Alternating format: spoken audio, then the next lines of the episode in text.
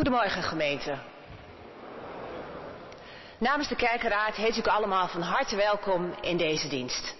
En het is vandaag ook een bijzondere dienst. Want vandaag nemen wij afscheid van een groep van ambtsdragers die vele jaren onze kerk gediend heeft.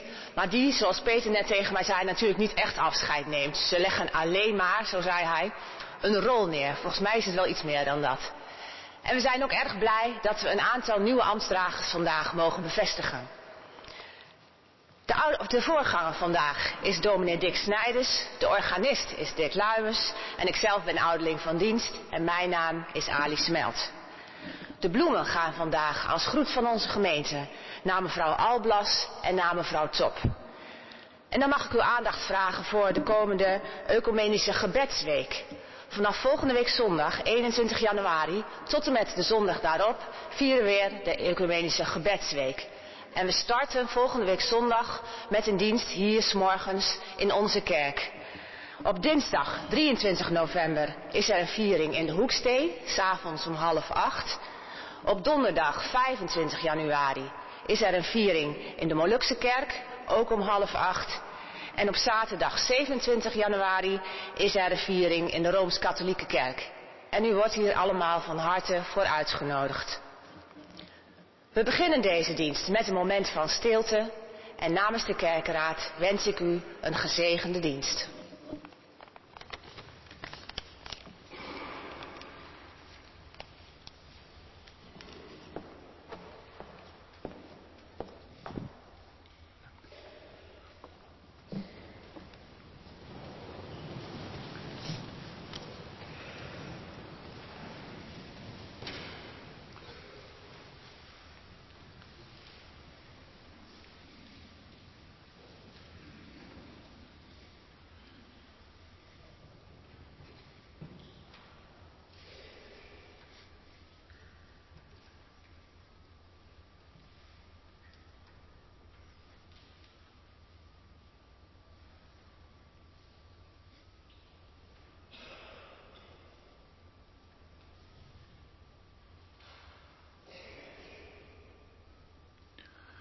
De eeuwige God zal met u zijn. Onze hulp is in de naam van God. Zijn trouw duurt eeuwig. Het werk van zijn handen laat hij niet los. Eeuwige, onze God, wij die u nooit hebben gezien. Zie ons hier staan. Wij die van u hebben gehoord Hoor ons aan. Uw naam is dat u mensen helpt. Wees onze hulp. En dat u alles hebt gemaakt. Maak alles nieuw. En dat u ons bij name kent. Leer ons u kennen. Die bron van leven wordt genoemd. Doe ons weer leven. Die hebt gezegd, ik zal er zijn. Wees hier aanwezig. Amen.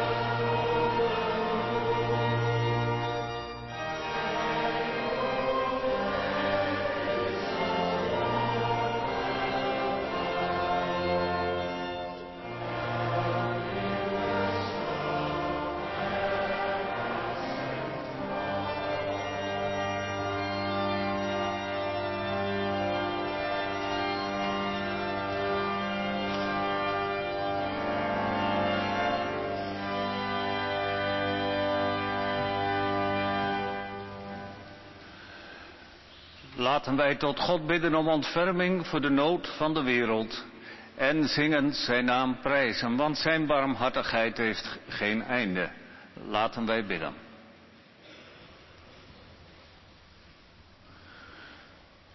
God, de nachten buiten zijn koud, de grenzen dicht, de koppen hard, de harten verkild.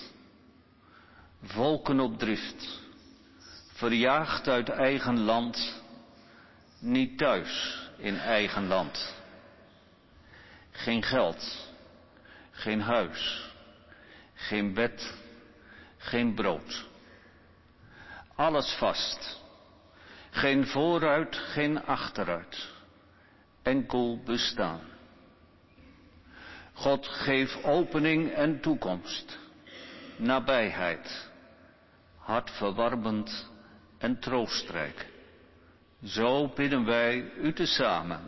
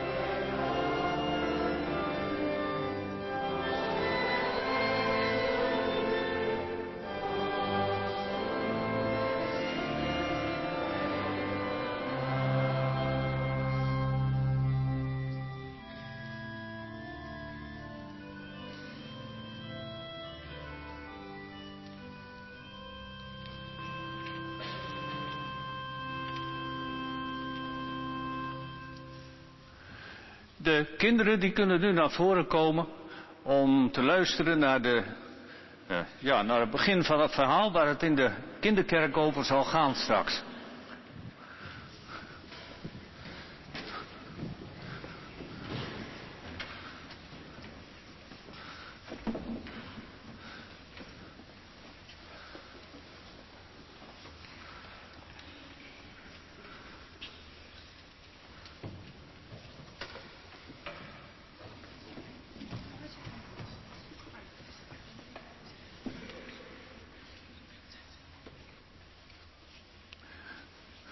Als je op school in de klas bent, dan is het natuurlijk altijd heel stil in de klas.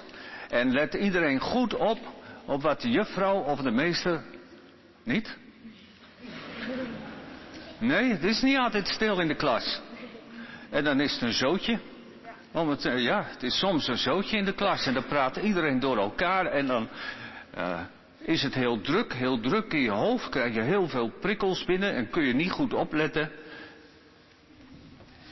En eigenlijk leer je dan niks. Dat is toch zo? Het kan in het leven ook zo zijn dat het heel druk is, allemaal druk, allemaal drukte om je heen. En dan uh, kom je niet toe aan wat je eigenlijk wil doen. Als er dan ineens een engel in de klas komt, dan weet je, er gaat wat gebeuren. En als die engel dan ook nog naast je komt zitten, ja, dan raak je wel in verwarring. Want je denkt, wat kan ik daar nou van verwachten? Maar gelukkig zijn engelen meestal heel vriendelijk. En ze brengen licht met zich mee. En rust en ruimte. Dat doet mensen goed. En ze nodigen mensen uit om ook mee licht en rust te brengen in het leven van andere mensen. Het Bijbelverhaal van vandaag gaat over een man en die heet Gideon.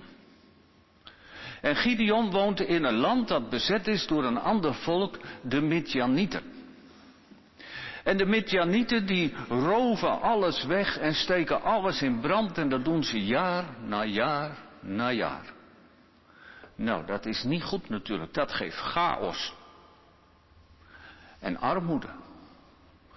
En onvrijheid. En dan ineens verschijnt er een engel bij Gideon. Als die aan het werk is. En die engel die zegt tegen Gideon, Gideon, jij moet jouw volk gaan bevrijden.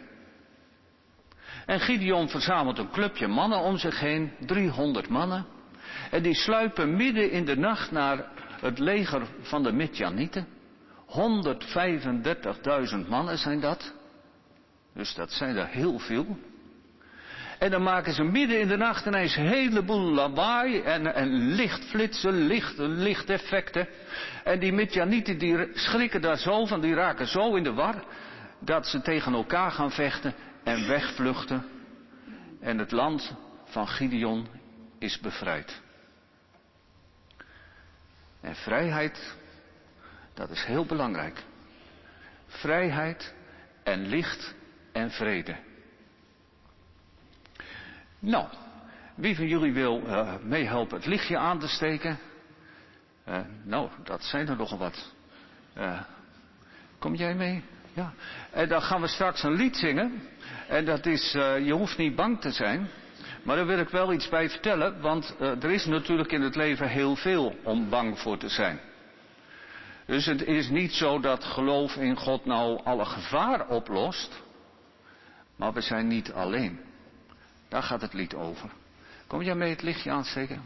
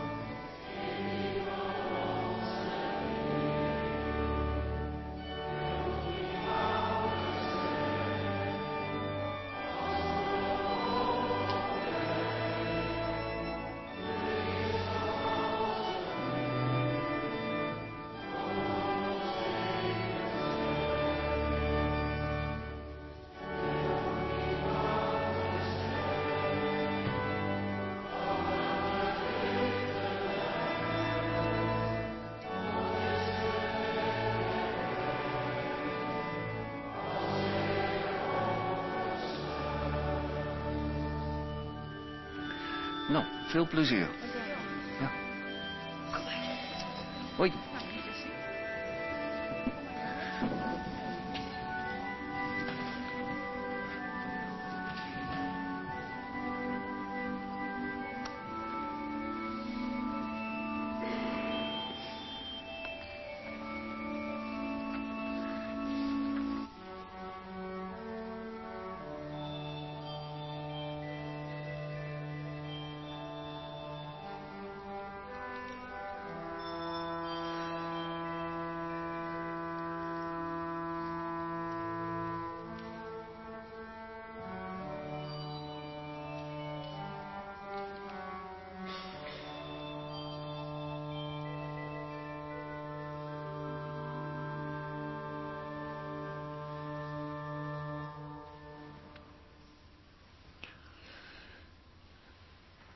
Dan komen we nu toe aan het afscheid en de bevestiging van ambtsdragers.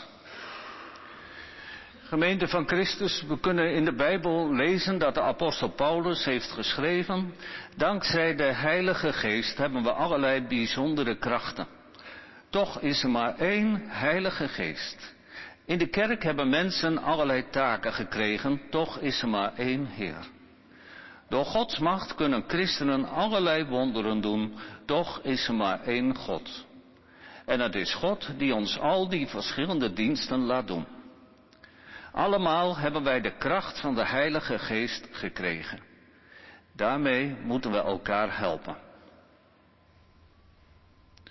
We lezen ook in de Bijbel dat de apostel Petrus heeft geschreven, jullie moeten elkaar helpen. God zal ervoor zorgen dat jullie dat kunnen want hij heeft aan ieder van jullie een bijzondere kracht gegeven die je goed moet gebruiken. Als je spreekt, spreek dan woorden van God. En als je mensen helpt, doe dat dan vanuit de kracht die God je geeft. Sommige mannen en vrouwen worden daarbij in het bijzonder geroepen tot speciale taken in de kerk die we ambten noemen. In onze kerk zijn dat de ambten van predikant, ouderling, ouderling, kerkrentmeester en diaken. Het ene ambt staat nooit los van de andere. In deze drie tezamen wordt het werk van Christus aan de gemeente en in de wereld zichtbaar. De ouderlingen dragen samen met de predikanten bijzondere verantwoordelijkheid voor wat in de kerkdiensten gebeurt, voor leren en inspireren en voor de pastorale zorg. Een bijzonder soort ouderlingen, de ouderlingen kerkrentmeesters, dragen bijzondere verantwoordelijkheid voor het beheer en de besteding van het geld van de gemeente en van de bezittingen.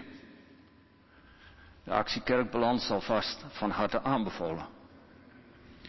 De diakenen dragen bijzondere verantwoordelijkheid in de gemeente en in de wijdere wereld om de sociale en materiële armoede te verlichten. Alle ambtsdragers vormen met elkaar de kerkraad en hebben samen de verantwoordelijkheid om de gemeente en elkaar te bewaren bij het evangelie van Jezus Christus. Vandaag zijn zes ambtsdragers aftredend en ik roep hen naar voren Aten Lindeboom, Mathilde Vos, Gerry Vrijenhoef, Bette de Jong, Peter de Leeuwberg en Henk Minema.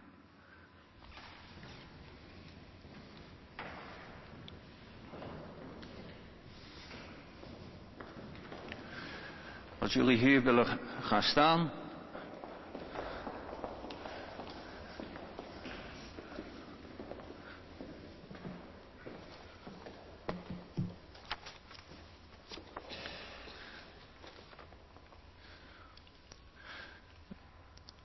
Peter, jij was voorzitter van de kerkraad. En we waren net gewend dat jij de vertrekkende ambtsdragers toesprak. En nu hebben we geen voorzitter meer. En uh, zal ik me voor een deel van die taak uh, kwijten en Arjan die zal een ander deel voor zijn rekening nemen als nieuwe voorzitter van de diaconie. Peter, als ervaren bestuurder in kerk en maatschappij, was jij bereid om voorzitter te worden van de kerkenraad uit liefde voor de kerk. Die liefde voor de kerk geeft je ook een bepaalde gedrevenheid. Er moeten stappen gezet worden. Maar niet iedereen loopt echter even snel of dezelfde kant uit. En tegelijk moeten we het samen doen. En ik heb je leren kennen als iemand die de verbinding blijft zoeken. En als iemand wil weten hoe je erin staat, moet hij je columns in onderweg lezen. In die columns heb je je van een gevoelige kant laten zien. Je schreef heel persoonlijke verhalen.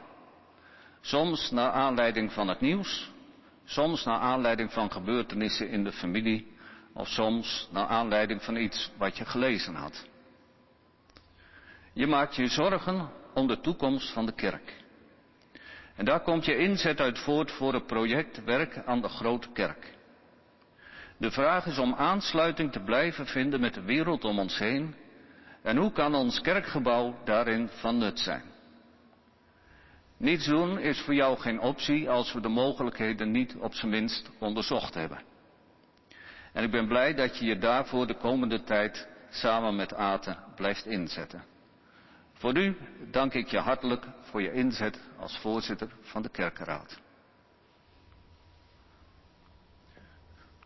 Ik heb de volgorde eerste ouderlingen, dan de ouderlingen kerkrentmeesters en dan komen de diakenen. Mathilde. Voordat je verhuisde uit Bussum, maakte je kennis met kerken in de omgeving om te bepalen waar je zou gaan wonen. Je woonplaats is Valburg geworden en je bent lid geworden van onze gemeente, omdat je dit een leuke gemeente leek. En al vrij snel pakte je het jeugdwerk op in de kinderkerk en je was een van de voortrekkers van het kinderkoor. Je hebt een enorme drive en veel energie, maar ook niet onbeperkt. Dan loop je tegen je eigen grenzen aan en moet je een stapje terug doen. De coronatijd werkte niet mee en ook niet de tijd dat er geen jeugd- en jongerenwerken was. Toch een maand of vijftien is dat geweest, best een lange tijd. En het is je zwaar gevallen. Wel ben je je blijven inzetten vanuit de gedachte dat als de kerk leuk is voor je eigen kinderen, die ook leuk is voor andere kinderen. Daarnaast kun je gewoon goed drummen. Hè? Kun je trots op zijn. En je hebt een mooie kerstfilm gemaakt met uitbeelding die we in de livestream hebben kunnen zien in de coronatijd. En ook het kerstspel op de eerste kerstdag was een kolfje naar je hand. Zo zie je het graag. Hartelijk bedankt voor je inzet als jeugdouderling. Aten, je bent een doener. Stappen maken, besluiten nemen. In een zo recht mogelijke lijn van A naar B. En dat is een bijzondere kwaliteit. En tegelijk zit niet iedereen zo in elkaar, in elk geval niet in de kerk. Regelmatig moeten dezelfde punten opnieuw besproken en hernomen worden.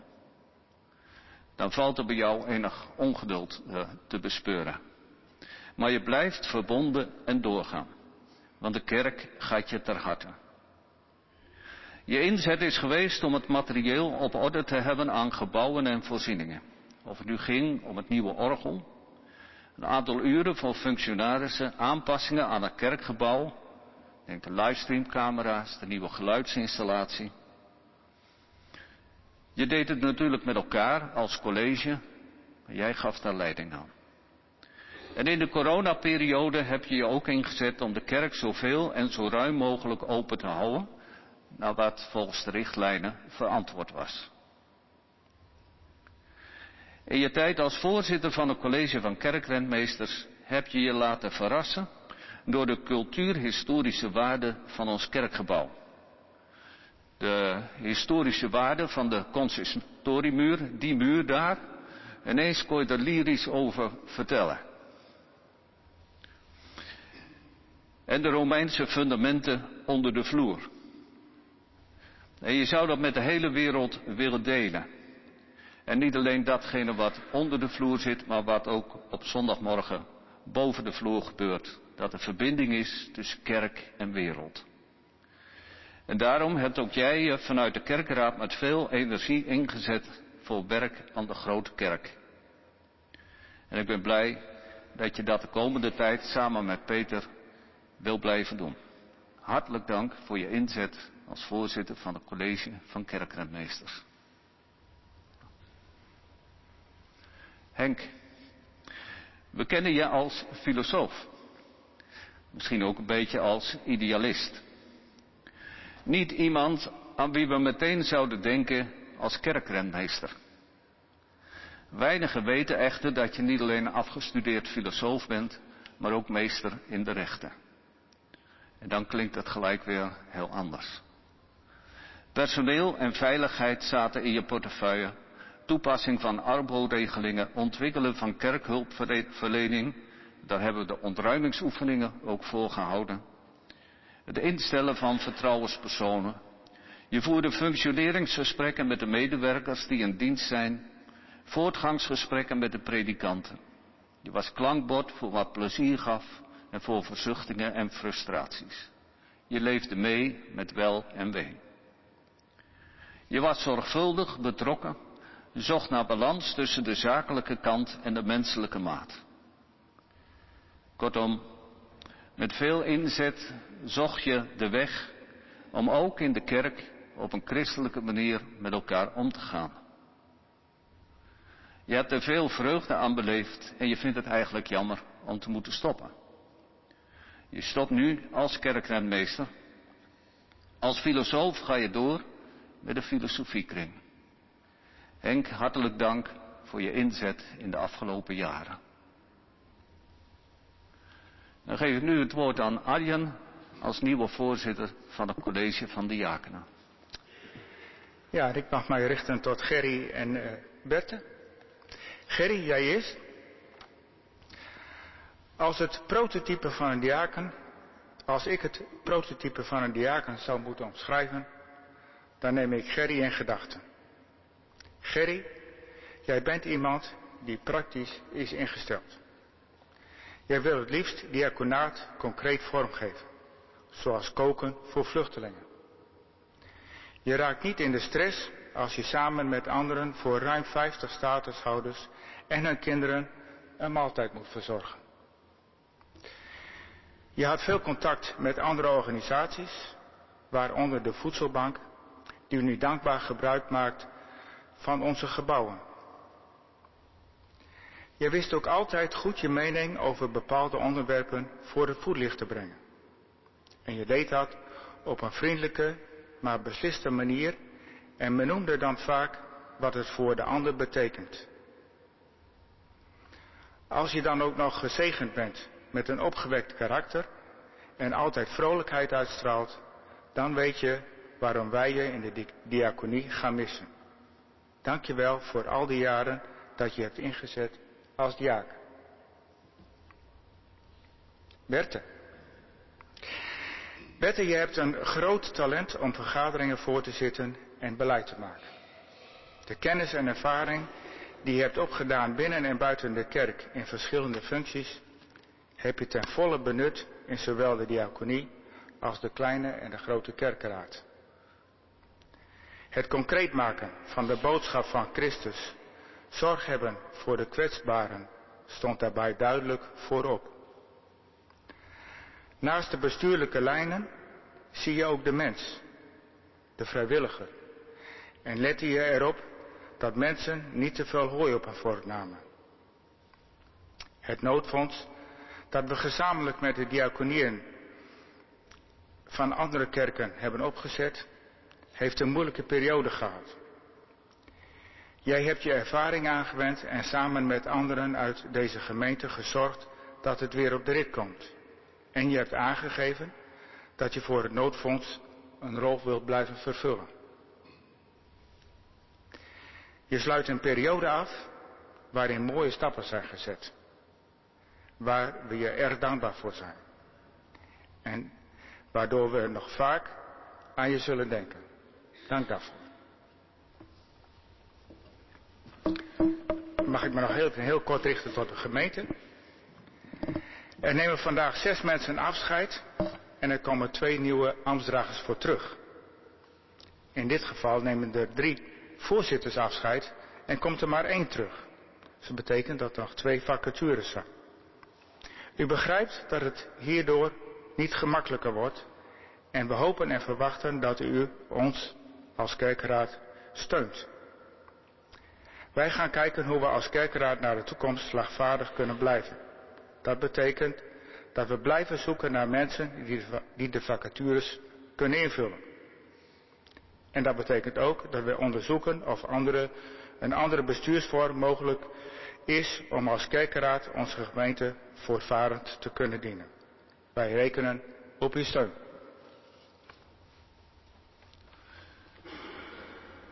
Je kunt er in elk geval een bos bloemen mee verdienen. Uh, we willen jullie bedanken met een bos bloemen. Ieder een bos. Ali, zou jij de bossen uit willen reiken? En Wilmi? Jullie samen.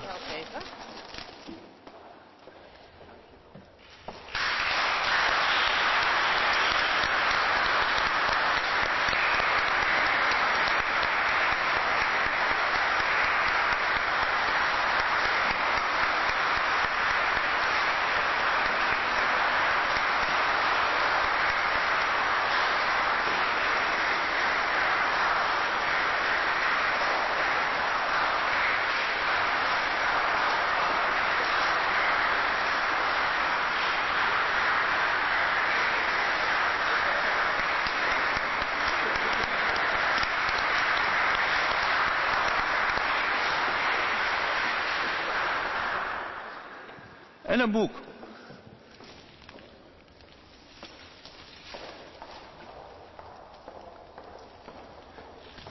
Gerry? Zo Henk?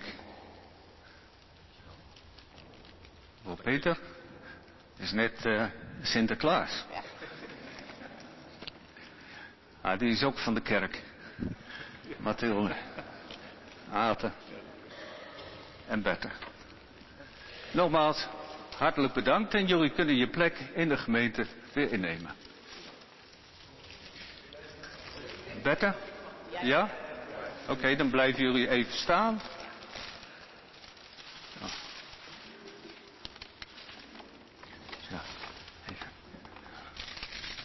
Graag deel ik zo aan het eind eh, namens uh, ons allen uh, nog wat leerpunten die wij hebben uh, opgedaan in de afgelopen tijd. Um, het zijn er eigenlijk in de kern twee. Eén, het cliché dat ambtsdrager zijn verrijkend is, ook voor jezelf, is absoluut waar. En twee, het gaat om uh, geloof, hoop en liefde en dat in de praktijk brengen vanuit je rol als ambtsdrager. Want we doen natuurlijk allemaal wat. Ik licht dat graag kort toe. Toen ik mijn collega's vroeg van wat moet er in ieder geval gememoreerd worden bij ons afscheid, kwam het eerste punt dat het verrijkend is om ambtsdrager te zijn, al meteen op. En het is verrijkend omdat je betrokkenheid ervaart, omdat je verschil kan maken, omdat je eh, samenhorigheid ervaart, omdat je nieuwe mensen leert kennen die je daarvoor misschien nog wat minder goed kende. Uh, dus dat is een heel belangrijk punt. En één iemand, en ik denk de mensen die ons goed kennen weten wel wie dat is, zei ik zou iedereen gunnen om dat gewoon een keer een poosje te doen. Ja. Is het dan allemaal roze geur en maneschijn? Nee, dat is het natuurlijk ook niet. Soms was het best wel moeilijk. In coronatijd moesten we moeilijke beslissingen nemen. Uh, de bouw van de kerk, ook al genoemd. Soms echt lastig. Maar dat hoort er wel bij waar mensen uh, samen zijn. En uh, waar het echt over gaat, waar het je raakt. Want geloof, hoop en liefde, daar gaat het voor ons echt om. Geloof wat we hier samen delen, of het zoeken daarnaar, want we weten het ook niet altijd allemaal zeker. Uh, maar dat is wel de basis en ook de basis voor de keuze die wij gemaakt hebben om ons in te zetten de afgelopen jaren. En hoop is denk ik ook het geven van hoop een ontzettend belangrijke taak van ons als kerk. Uh, en uh, natuurlijk zijn er anderen die dat ook uh, brengen. Maar ik denk dat het in deze tijd belangrijker is dan ooit dat we dat ook als gemeenschap samen uitdragen. En dat kan op heel veel verschillende manieren. Het eten met vluchtelingen is al genoemd. Een bezoek, een activiteit met de jeugd. Als je die verbondenheid maar ervaart. En daar heb je ook goede randvoorwaarden voor nodig. Um, professionals die hier uh, werken, een prachtig gebouw, een goed geluid, uh, noem het allemaal maar op. Wij zijn echt een rijke kerk. En dat is zo ontzettend fijn om daar vanuit te kunnen werken. En tenslotte is liefde natuurlijk de basis van alles. En die uh, liefde is in deze tijd van polarisatie belangrijker, denk ik, dan ooit. En het is mooi om vanuit onze rol daarmee de vorm aan te kunnen geven aan het kerk zijn in, in deze tijd. Voor ons als gemeente, uh, maar ook voor de verbinding met buiten en met de kwetsbaren. Het is al genoemd. We hebben het ontzettend belangrijk en fijn ervaren om daaraan bij te dragen. Uh, en we kijken dus ook met een heel positief gevoel op de afgelopen tijd terug. En uh, wij willen onze opvolgers graag uh, aanmoedigen en hebben alle vertrouwen in dat het hen ook zo zal vergaan. En wij zullen er vanuit onze rol, vanuit de gemeente, natuurlijk graag aan bijdragen. Dank jullie wel.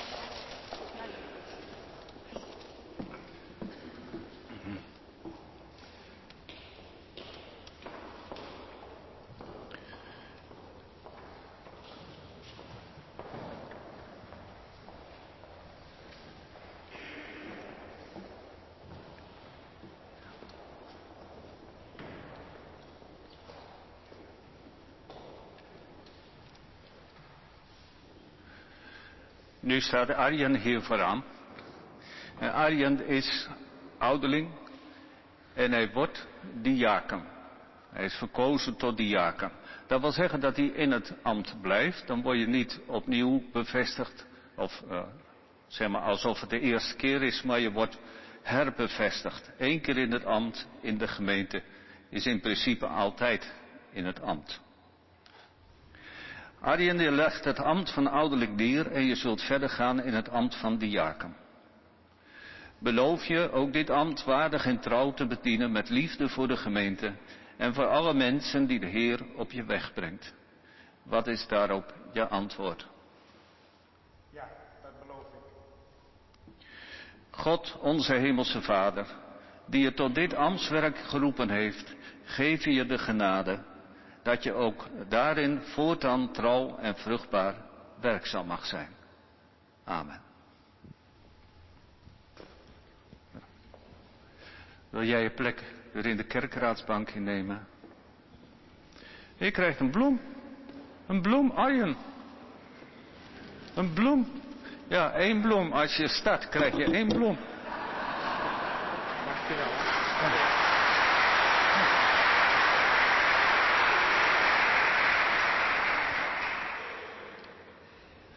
Het is de uitdaging natuurlijk in het ambt om steeds meer bloemen tot bloeien te brengen.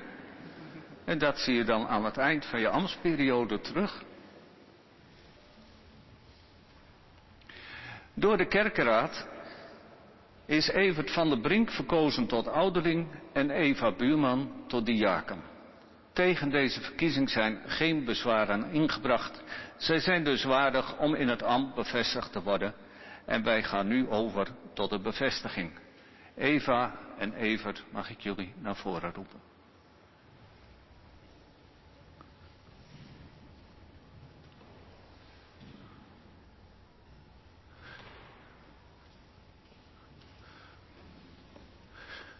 Als jullie daar zouden willen gaan staan, kunnen we jullie goed zien.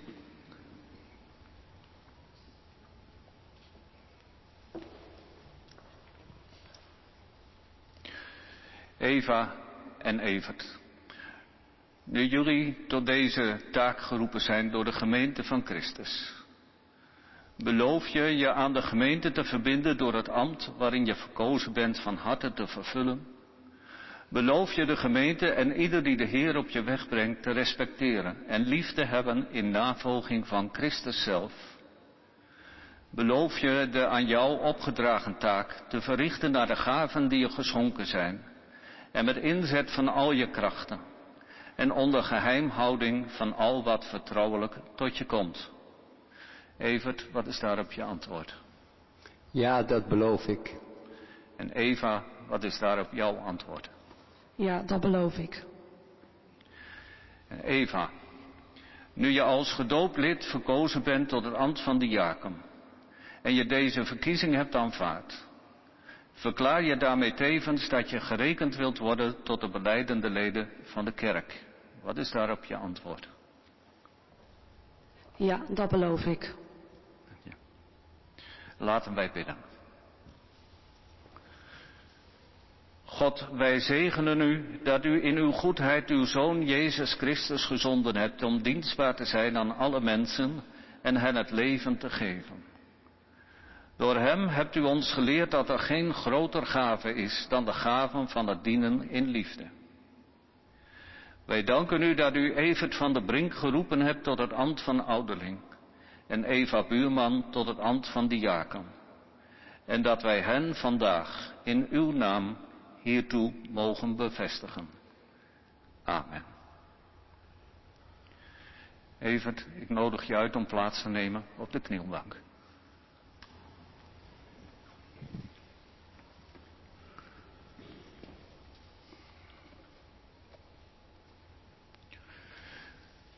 God, zend nu uw heilige geest op Evert van de Brink.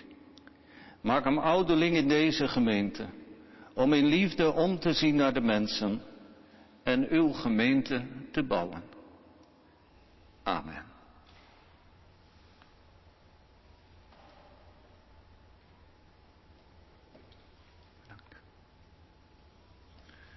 Eva, mag ik je uitnodigen?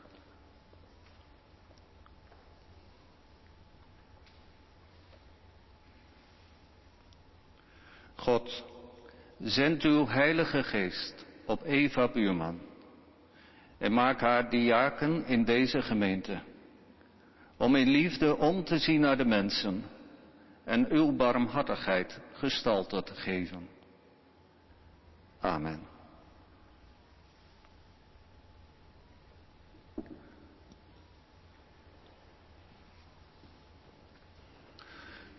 Hebben we voor jullie ook een bloemetje.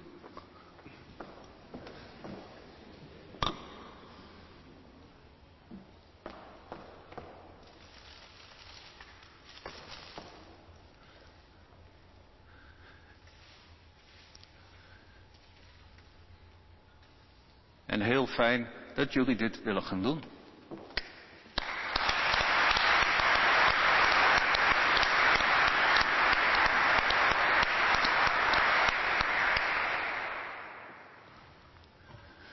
Dan heb ik een vraag aan u en ik vraag u daarbij te gaan staan. U krijgt geen bloemetje, dat zeg ik maar alvast. Gemeente van Jezus Christus, nu Evert van der Brink, Arjan Dijkstra en Eva Buurman zijn bevestigd, herbevestigd in het ambt. Belooft u hen te aanvaarden, te omringen met uw meeleven, te dragen in uw gebeden en met hen mee te werken in de dienst van God. Wat is daarop uw antwoord?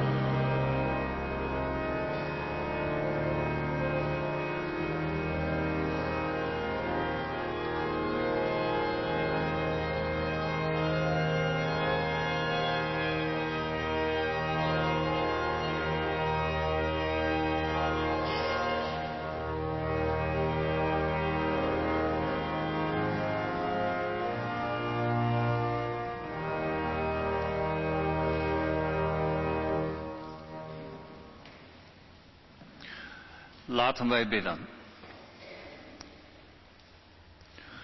God, dit moment brengt ons bij elkaar om elkaar te ontmoeten en om te luisteren naar uw woord.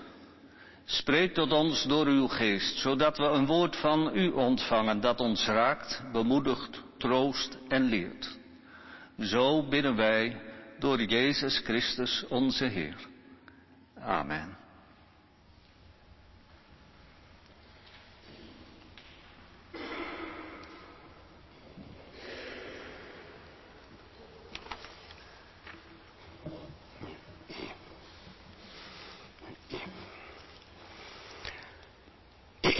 De eerste lezing is uit het Oude of Eerste Testament uit Rechters.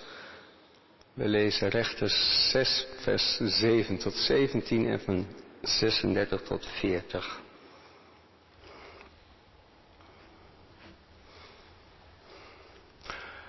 Toen de Israëlieten de Heer tegen de Midjanieten te hulp riepen, stuurde hij een profeet die hun zei, dit zegt de Heer, de God van Israël. Ik ben het die jullie uit Egypte heeft geleid. Ik heb jullie verlost uit de slavernij. Ik heb jullie bevrijd uit de greep van de Egyptenaren en van de volken die jullie hier bedreigden. Die heb ik voor jullie weggejaagd en ik heb jullie hun land gegeven. En ik heb jullie gezegd, ook al wonen jullie nu in het land van de Amorieten, hun goden mogen jullie niet vereren, want ik, de Heer, ben jullie God.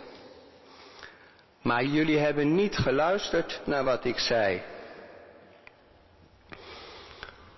Toen kwam de engel van de Heer en hij nam plaats onder de terebint bij Ofra, op het land van Joas, een afstammeling van Abiezer. Joas' zoon Gideon was juist bezig tarwe te dorsen, om ervoor te zorgen dat de Midjanieten de tarwe niet zouden zien, deed hij dat in de wijnpers. De engel van de Heer vertoonde zich aan hem en zei, de Heer zij met je, dappere krijgsman. Mag ik u vragen, antwoordde Gideon, als de Heer ons werkelijk bijstaat, waarom overkomt dit ons dan allemaal? Waar blijft hij dan met zijn wonderbaarlijke daden waarover onze voorouders hebben verteld? Uit Egypte heeft hij ze geleid, zeiden ze toch? Maar nu heeft hij ons in de steek gelaten en uitgeleverd aan de Midjanieten. Toen wendde de Heer zich tot Gideon en zei, Toon je moed en bevrijd Israël, dat is mijn opdracht. Mag ik u vragen, antwoordde Gideon, hoe zou ik Israël kunnen bevrijden? Mijn familie heeft in onze stam Manasse niets in te brengen en ik zelf ben de jongste van de familie. De Heer antwoordde, dat kun je omdat ik je bijsta. Je zult de Midjanieten verslaan alsof je met niet meer dan één man te doen had. Toen zei Gideon, Heer, als u het bent die tot mij spreekt en ik uw gunst geniet, geef me dan een teken. Dan verder vanaf vers 36.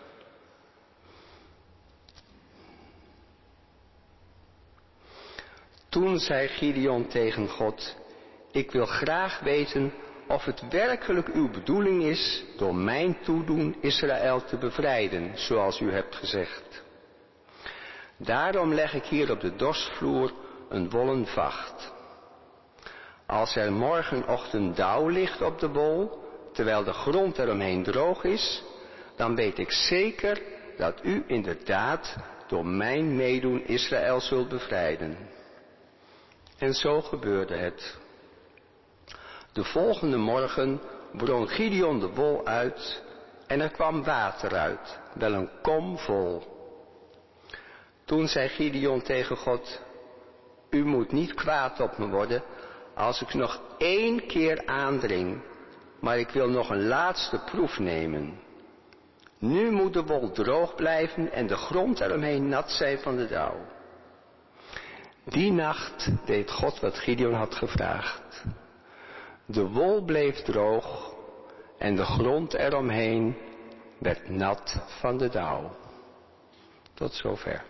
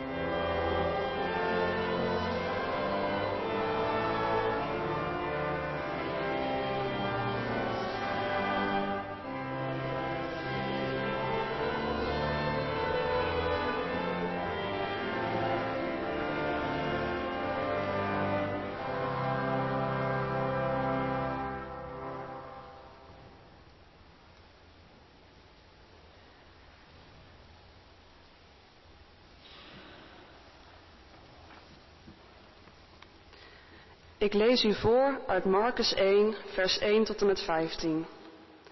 Het begin van het evangelie van Jezus Christus, Zoon van God. Het staat geschreven bij de profeet Jesaja.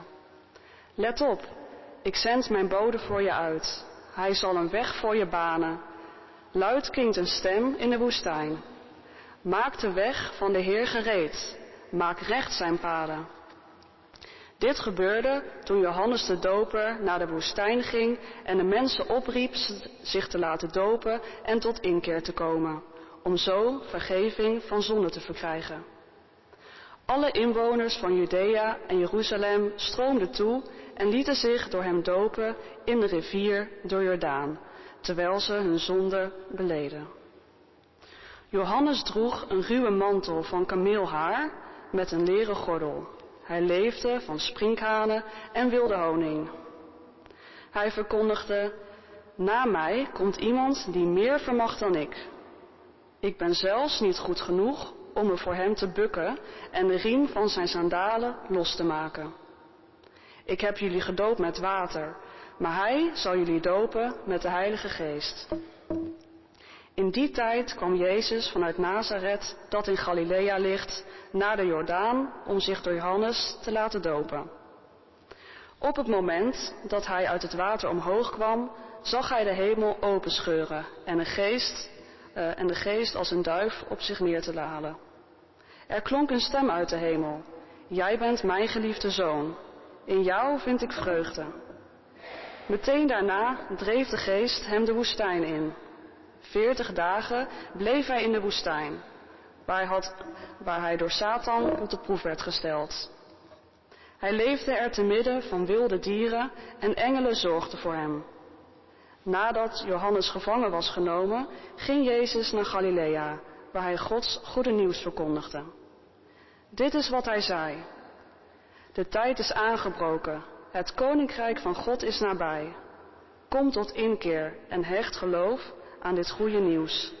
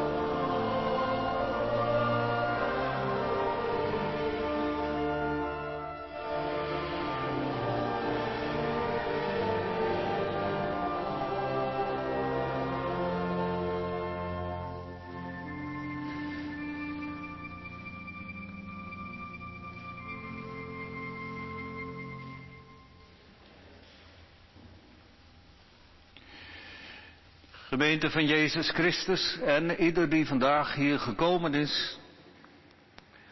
Als er ineens een engel bij je op de werkvloer verschijnt. Als de hemel openscheurt en de geest als een duif op je hoofd neerdaalt. Als er een stem uit de hemel klinkt, dan weet je dat je gezien bent. Je bent een bijzonder mens, je krijgt een bijzondere taak. Het zijn mooie verhalen. Zo spectaculair maken wij het niet mee. Je krijgt een vraag vanuit de gemeente of de kerkraad of je misschien ambtsdrager wilt worden. Of je voelt van binnen dat het misschien wel iets voor jou is. En als anderen dat dan ook vinden, word je verkozen en je zegt ja en je wordt bevestigd. En daar sta je dan. Hoe vind je dan je weg door het kerkelijke bestuur? Een document hier, bestandje daar, kerkorde, plaatselijke regeling, beleidsplan, gesprekken met ervaren kerkraadsleden. Het kerkelijke werk is in de kern leven als gemeente vanuit de bron. Het geloof, gevoed door de verhalen uit de Bijbel, gevoed door, zoals Petter al zei, geloof, hoop en liefde. Deze verhalen helpen ons om betekenis te geven aan het leven en aan wat er in de wereld gebeurt. Ze helpen ons om keuzes te maken. Maar dat gaat niet vanzelf. De Bijbelse verhalen vertellen ons niet één op één hoe het in het leven zit en wat we ermee moeten doen. Enkele weken geleden passeerde ik op de snelweg een vrachtauto en die had op de brandstoftank de slogan traditioneel vooruitstrevend staan.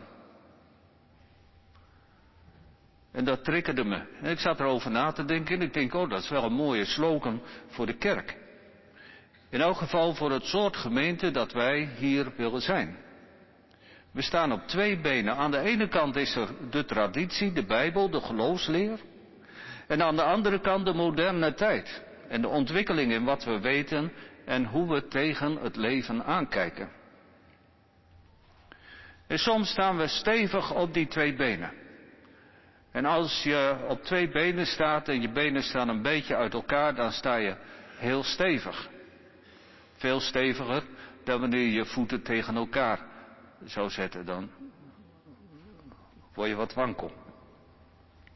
Maar soms levert het ook een haast onmogelijke spagaat op. En dat is zeker het geval bij de eerste Bijbellezing van vanmorgen, waarin Gideon geroepen wordt om Israël te bevrijden van zijn vijanden. In het kader van het moderne volkenrecht is dat een aanstootgevende tekst. En het zou me eerlijk gezegd ook niet verbazen als vroeg of laat iemand op het Jansplein in Arnhem probeert een Bijbel te verbranden. Maar boekverbranding heeft nooit wat opgeleverd, is nooit een goed idee geweest. Want het gaat niet om de tekst, maar het gaat om wat we ermee doen. Nu staat er in die tekst klip en klaar dat Israël ook toen al woonde in het land van andere volken. En de enige legitimatie zou zijn dat God hen daarheen had geleid. Daartoe had hij hen bevrijd uit Egypte. Het is een soort van heilige strijd waarbij ik geen verschil zie met heilige oorlogen vanuit andere godsdiensten. De Israëlische strijders roepen voor de Heer en voor Gideon. Dat hebben we vanmorgen niet gelezen, dat staat een stukje verderop in het verhaal. En in onze tijd roepen islamitische strijders Allahu Akbar. En als ik nu kijk naar wat er in Palestina gebeurt, dan roepen mensen daar vergelijkbare dingen. En daar komen we niet veel verder mee. En ik ben er wat verlegen mee. Het is vervreemdend. En tegelijk zo bekend door de eeuwen heen tot op de dag van vandaag. Ja maar, kun je dan zeggen. Ja maar, het staat toch in de Bijbel. Ja. Maar er staat niet wat we er nu mee moeten doen. Er staat hoe men vroeger heeft gedacht en geloofd. En geschiedenis, voor zover het geschiedenis is, kunnen wij niet veranderen. Wat we nu doen en doorgeven aan de mensen om ons heen en wie na ons komen, daar hebben we wel invloed op. Traditioneel vooruitstrevend is achterom kijken om te leren voor de toekomst. En wat is het dan als je geroepen bent of geroepen bent geweest als ambtsdrager van de kerk? Of wat is het als je betrokken bent bij de kerkelijke gemeente? Is dat zoals bij Gideon die door een engel geroepen wordt tot strijd? Tot strijd ten koste van de vijand, omdat die ook strijd voert ten koste van jou? Dat hij alles plundert en de mensen vermoordt? Daar heb ik moeite mee. Ik wil geweldloos leven. Maar is een pleidooi voor geweldloos leven niet al te gemakkelijk? Zolang er niemand is die jou daadwerkelijk naar het leven staat. Er kan strijd zijn tegen wil en dank en soms word je als land een oorlog ingezogen, ingerommeld.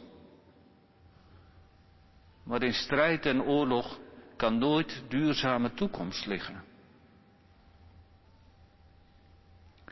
Traditioneel vooruitstrevend komen we al in de Bijbel zelf tegen.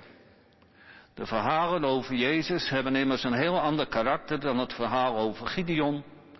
En ze vertellen ook over een heel ander soort roeping.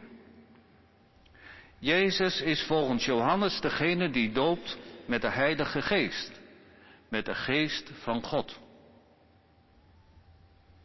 Nadat Jezus met water gedoopt is, ontvangt hij zijn roeping. De hemel scheurt open, de geest daalt als een duif op hem neer en er klinkt een stem uit de hemel. En wat wil je nog meer om zeker te zijn van je roeping? Wij doen het met minder. En meteen na zijn roeping beklimt Jezus niet de troon. Hij hakt geen gewijde palen om, zoals Gideon deed. Hij roept geen leger bijeen. Hij drijft de bezettende macht in zijn tijd, de Romeinse overheersers, niet het land uit.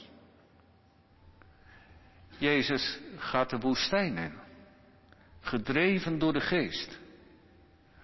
Veertig dagen blijft hij in de woestijn, waar hij door Satan op de proef wordt gesteld. Hij leeft er te midden van de wilde dieren en engelen dienen hem. Sommige mensen hebben als ze lid van de kerkraad geworden zijn, ook wel eens het gevoel dat ze in een soort van woestijn terechtgekomen zijn. Dor, verhit, op de proef gesteld, te midden van wilde beesten. Ook geroepen mensen blijven mensen. En dan maar hopen dat er ook engelen zijn.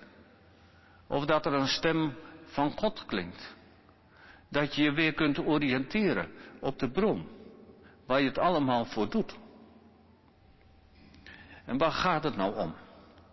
Wat is de kern waar we het allemaal voor doen? Jezus verkondigt Gods goede nieuws. En dit is wat hij zegt. De tijd is aangebroken. Het koninkrijk van God is nabij. Kom tot inkeer en geloof dit goede nieuws. Het koninkrijk van God is nabij. Dat kan dus overal zijn en altijd.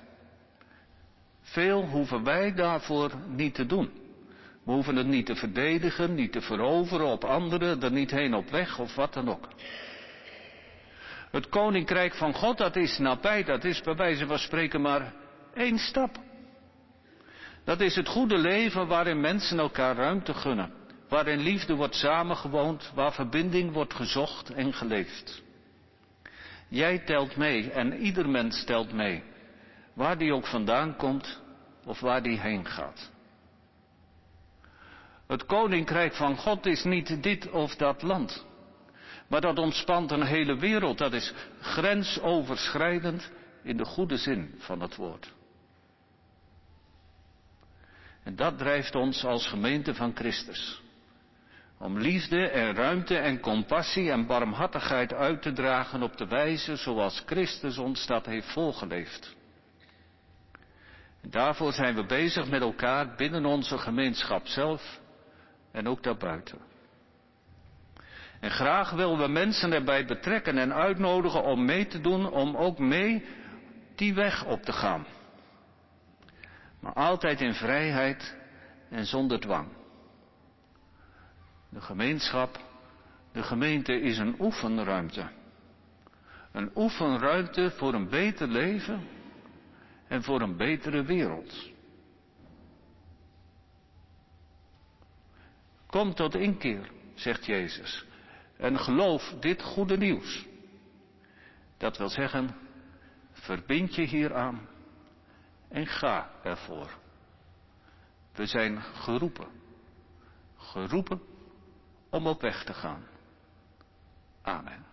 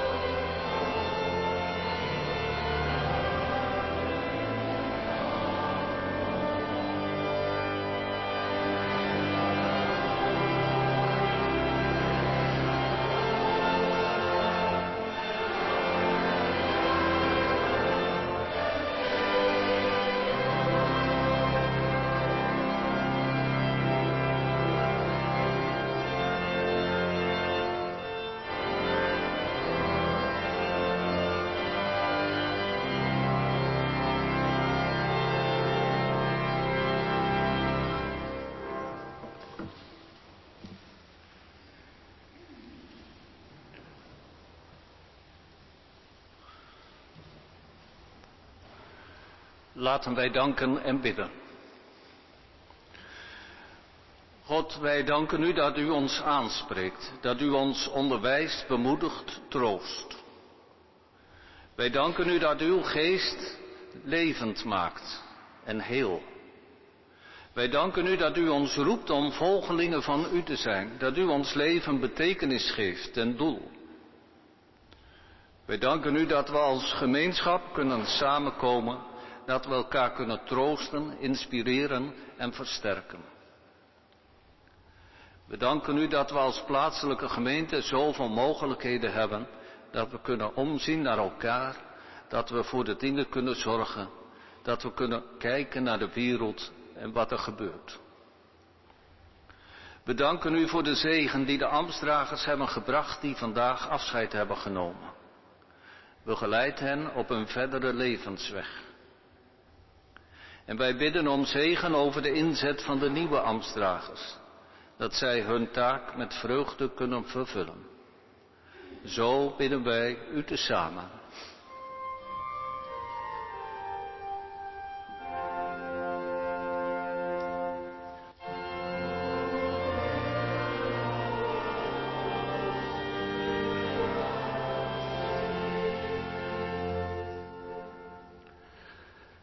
De steppen zal bloeien, zongen we zo net. Volgens Eva is het het mooiste lied uit het liedboek. Het is ook mijn lied. Het is een lied van hoop, van verwachting. Want oh, wat hebben we dat nodig, God. De aarde is hardvochtig, weerbarstig de grond. Geen waterbronnen de rotsen, maar bolwerken van macht. Stuurloos het volk. Soldaten die creperen in de loopgraven van Oekraïne. Godvergeten kinderen in Israël en Gaza. Hoe lang nog moeten we wachten tot alles weer gaat stromen, dat, het weer in ons, dat we het weer in ons voelen tintelen, glinsteren, stralen? De steppen zal bloeien, maar wanneer? O God, houd de droom in ons levend. Die droom, die heeft ons gaande gehouden in ons kerkenwerk. Zes van ons, en ik ben er één van, dragen het stokje nu over. We doen dat in de hoop dat u ons werk wilt zegenen, God, en dat het vruchtbaar mag zijn voor de wereld en voor onszelf. Zo bidden wij tezamen.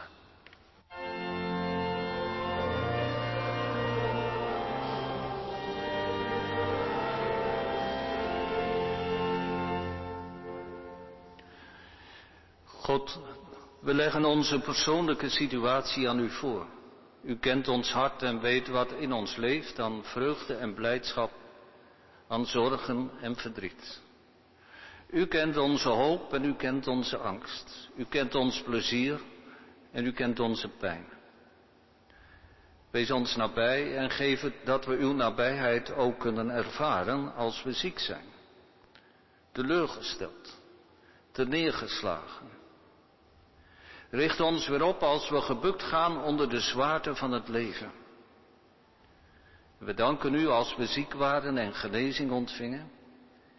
En geef kracht als er geen genezing komt. Geef als we sterven gaan. Als we iemand hebben verloren. Iemand gedenken. Kracht en troost. Onze toekomst is veilig in uw hand. Zo bidden wij u tezamen.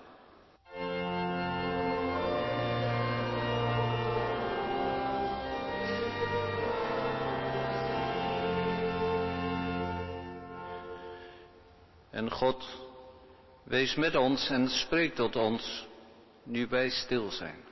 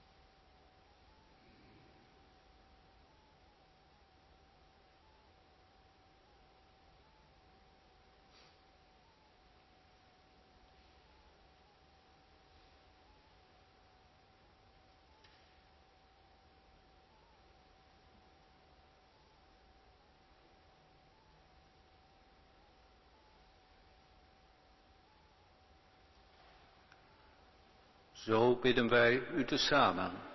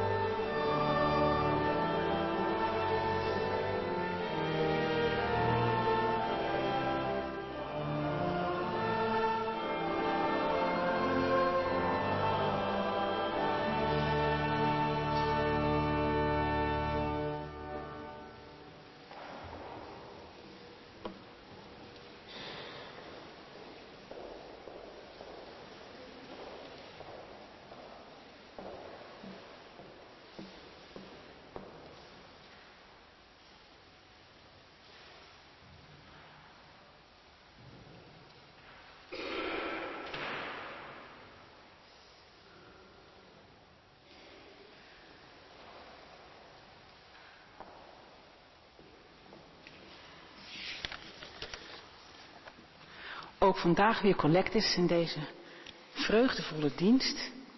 De eerste collecte is eh, de maandcollecte. En die is door het Vredecentrum Barbara Voort.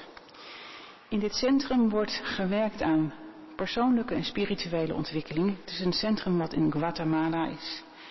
En het gaat er eigenlijk om dat we een leven kunnen leiden in rechtvaardigheid, waardigheid en in harmonie prachtig aansluitend bij het gebed van Henk. De tweede collecte is voor onze eigen kerk. En de derde collecte is voor het Binnenlands Diaconaat.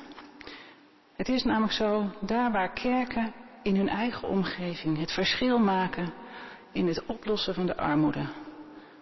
Dat is een heel moeilijk, heel moeilijke situatie, maar met het samenwerken van alle kerken en het werk wat de diakenen dichtbij doen, ehm, kunnen we het verschil maken. En uh, de, er wordt uh, gezamenlijk georganiseerd door Kerk in Actie. U kunt uw giften doen uh, met de kleine briefjes die u heeft van tevoren heeft kunnen kopen. U kunt ook in de kerk, in de torenhal, uw bijdrage doen of u overmaken op de, via de gift app en die staat op de blikvanger. Van harte aanbevolen.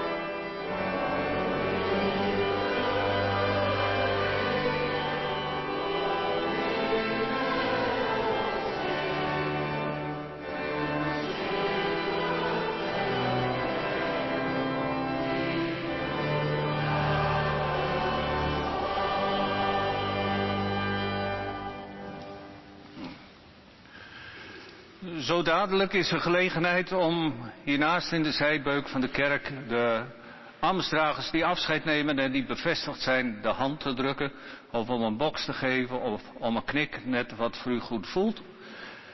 Um, u kunt daarna naar de ruimte gaan, het uh, gebouw van de, van de kerk waar we met elkaar koffie drinken. Dat is aan de noordzijde van de kerk. Dus dan kunt u omlopen zo, dus de richting volgt die ik zo aanwijs. Zeg dat voor de gasten. De gemeenteleden die weten natuurlijk al waar het is. Die gaan op de geur af. Laten we van hier gaan in de vrede van Christus met ons meedragen de zegen van God. De genade van onze Heer Jezus Christus, de liefde van God en de eenheid met de Heilige Geest is met u allen.